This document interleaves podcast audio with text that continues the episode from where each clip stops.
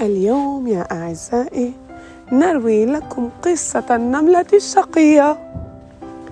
كان يا مكان في قديم الزمان كانت هناك نملة صغيرة شقية جدا.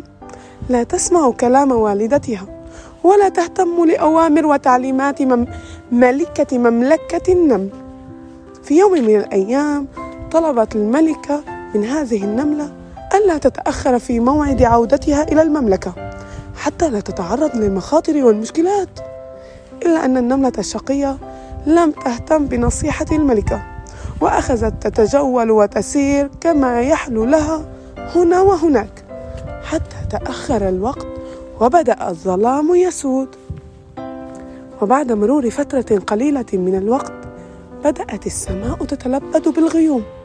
والجو ينذر بعاصفة شديدة.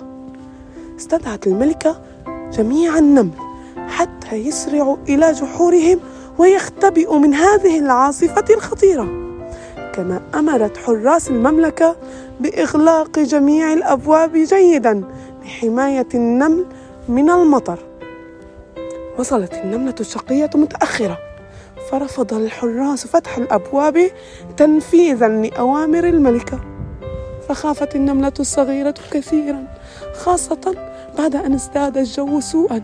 واشتدت الرياح وظهر البرق في السماء وسمعت صوت الرعد المخيف. بكت النملة الشقية رعبا وخوفا والتصقت بباب المملكة. نعم التصقت بباب المملكة أملا في أن تجد من ينقذها من هذه العاصفة.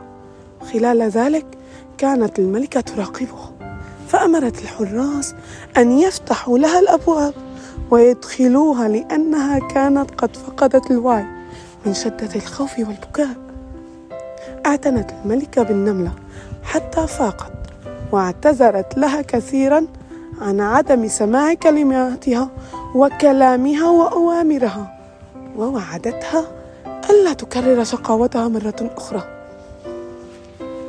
حلوة؟ حلوة